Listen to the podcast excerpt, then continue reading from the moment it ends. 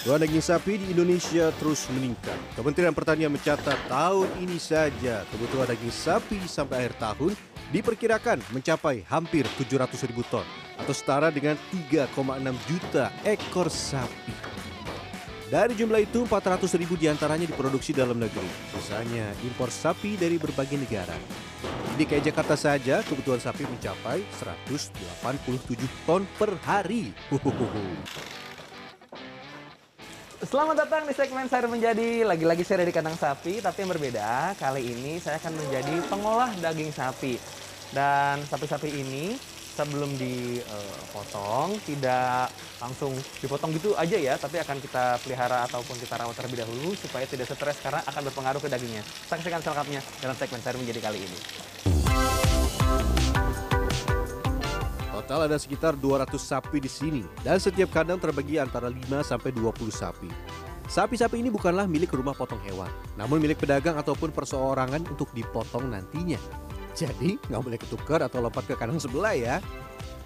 Meski hendak dipotong, sapi juga harus tetap mendapat perawatan. Salah satunya dibersihkan agar sapi tidak mudah stres. Ini jadi salah satu syarat keserawan atau kesejahteraan hewan. Lanjut waktunya makan. Nah, pemberian pakan bisa konsentrat atau rumput tapi dalam jumlah yang tidak terlalu banyak. Jika biasanya sapi memerlukan pakan 1-2% bobot badan, sapi yang hendak dipotong diberikan setengah persen dari bobot tubuhnya saja. Yuk, makan-makan.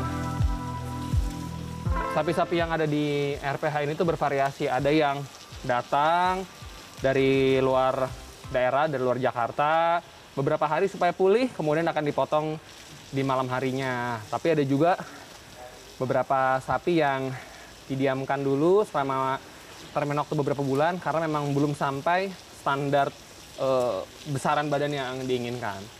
Tapi informasinya sih yang ini sih malam ini dipotong ya bang ya? Yang ini ya, nanti malam dipotong juga bisa katanya. Salah satu alasan pemberian makan dibatasi adalah agar sapi ketika dipotong tidak mencemari karkas atau daging karena pakan yang terlalu banyak. Sapi yang hendak dipotong juga akan puasa selama 24 jam, tapi tetap boleh minum. Sapi-sapi ini berasal dari daerah Cianjur, Serang, Bandung hingga wilayah Lampung. Seluruh sapi yang akan dipotong di rumah pemotongan hewan PD Dharma Jaya adalah sapi-sapi ekspor dari Australia. Mengapa ekspor? Karena sapi digemukkan dan dibesarkan di Indonesia. Ketika datang dari Australia, biasanya berupa sapi kecil atau sapi muda berusia di bawah satu tahun. Nah, yang penting lagi untuk menjaga kualitas sapi adalah kebersihan. Bersihin juga harus sambil hati-hati ya. Bersihinnya tuh memang yang agak keriki di bagian belakang ini yang paling gampang kotor karena kan dekat dengan tempat pembuangan kotorannya. Tapi juga harus hati-hati kena sepak lumayan bosku.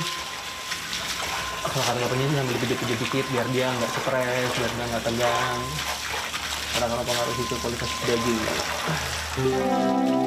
Sapi di tempat ini memiliki berat bervariasi, mulai dari 500 kg hingga yang paling berat 1 ton. Nah, sudah segar sapinya. Pemirsa, dari tadi kan saya singgung kalau sapi yang stres itu akan mempengaruhi ke kualitas dagingnya. Dan tadi saya sudah tanya ke dokter, seperti ini jawabannya. Salah satu penurunan kualitas daging adalah stres. Stres itu bisa secara ilmiah, kalau dilakukan proses penelitian itu akan meningkatkan asam pH daging menjadi meningkat. pH daging semakin asam, nanti akan cepat mengalami proses awal pembusukan.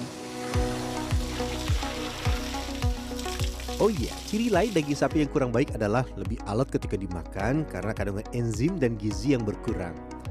Ingin punya sapi tapi tidak ingin repot memelihara? Nah, sewa saja kandang di sini.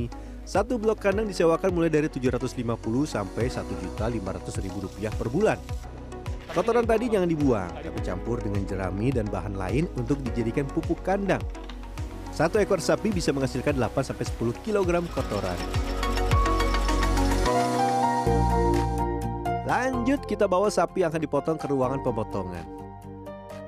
Biasa nih kalau ngelewatin kandang lain. Aduh, sapi kan hewan yang berkelompok memang ya. Jadi kelompok sapi lain suka begini memang. Ah, sabar. Ayo, hei, ayo.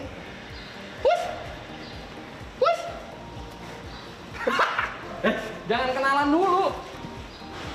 Ayo. Ayo sini. Ya, sapi termasuk hewan berkelompok. Jadi jangan bikin sapi seekor saja. Karena bila sendirian, maka potensi sapi stres dan mengamuk akan tinggi. Rata-rata di tempat ini memotong 40-50 ekor sapi dewasa setiap hari. Sapi yang sudah dipotong dibagi dua. Yang pertama dijual dalam kondisi segar ke pasar-pasar, yang kedua dibekukan. Teknik pembekuan menggunakan teknik blast weather atau pembekuan cepat. Daging yang baru saja dipotong akan masuk mesin pendingin. Dalam waktu 6 jam, 2,5 ton daging sapi akan beku dalam suhu minus 60 derajat Celcius.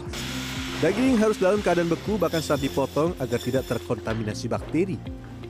Daging beku yang dikelola RPH PD Dharma Jaya dijual dengan harga Rp100.000 per kilogram. Dengan target pasar warga DKI Jakarta terutama pengguna KJP atau Kartu Jakarta Pintar.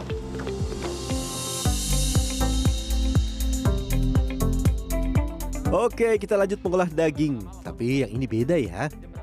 Kalau yang tadi dikelola oleh RPH PD Dharma Jaya, kalau ini dari daging sampai olahan sosis Jerman atau bratwurst dikelola oleh salah satu produsen sosis di Karawaci, Tangerang, Banten.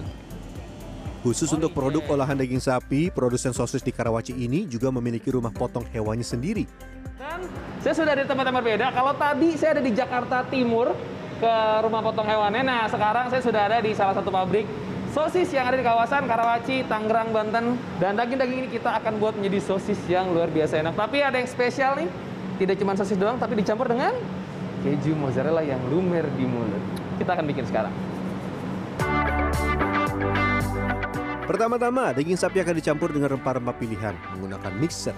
Dalam sehari, tempat ini bisa memproduksi sampai 25 ton bahan baku untuk membuat sosis. Nah ini yang jadi kunci, pakai es batu. Woo! Yap, es batu digunakan untuk menjaga suhu adonan tetap rendah sehingga protein daging tidak rusak selama mixing dan sosis yang dihasilkan tetap mengandung protein tinggi. Wah ini yang jadi primadonanya nih. Masih dalam bentuk seperti ini aja udah kelihatan ya kan.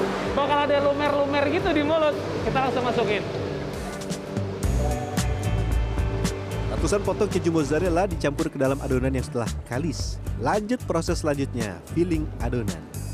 Siapkan selongsong casing kolagen yang merupakan protein hewani yang diambil dari bagian otot, tulang tendon, ligamen, dan berasal dari hewan yang halal. Oke, silakan boleh bang. Kalau yang bagian masang kolagen, saya pikir cuma tinggal seret gitu, ternyata enggak. Ujungnya sampai harus benar-benar ke depan ya bang. Kalau enggak nanti yang ada salah satu ujung di sosisnya pecah nanti wah bikin berantakan dan bikin kotor. Oke, kayak gini nih kira-kira. Masukin set ujungnya nah ini kuncinya nih ini tarik set oke Hai. Mantap. Setelah itu, sosis tinggal digantung masuk ke ruang pemasakan untuk dipanaskan selama 45 menit di suhu 85 derajat Celcius agar mikroorganismenya mati. Setelah sosis matang sempurna dan suhunya menurun hingga mencapai suhu ruangan sekitar 35 derajat Celcius, kita lanjut pengemasan. Sosis kemudian dikemas dengan thermoforming dan vacuum sealing. Lanjut quality control melalui metal detector. Secara otomatis sensor akan mendeteksi bila ada kandungan metal untuk langsung disisihkan. Terakhir, bekukan produk. Dalam waktu kurang dari satu jam, sosis akan dibekukan dengan suhu minus 35 derajat Celcius. Nah, ini nih bagian terakhir yang paling saya tunggu-tunggu. Tes rasa. Nah, kita yang tes nih. Duh, mantep nih. Waduh, wanginya enak banget. Hmm, wah. Emang kelihatan kalau ngetesnya lapar sama ngetes yang beneran QC. Ini enak. Kejunya berasa, tekstur sesuai, asinnya pas, sudah lolos ya. Cuma ada satu yang kurang. Kurang banyak. enak beneran. Salah satu standarnya keju di dalam bagian sosis bisa meleleh. Cek juga nih kemasannya apakah sesuai dengan standar yang bisa dibuka tanpa menggunakan gunting atau pisau. Hmm. Jangan lupa cukupkan kebutuhan protein hewani Anda. Jangan sampai kurang, tapi juga jangan berlebihan agar kita selalu sehat dalam kondisi pandemi seperti ini. Dan mengkonsumsi daging sapi juga bisa dengan ragam cara. Mungkin dengan cara kekinian seperti ini. Makan pakai sosis. Bisa pakai nasi karena kita Indonesia banget atau bisa pakai kentang. Hmm. Oh, kejunya tuh. Wah, mantap. Dan Fernando, Dwi Agung Yuldiarto, Tangerang, Banten. Wah, tambah ini mah.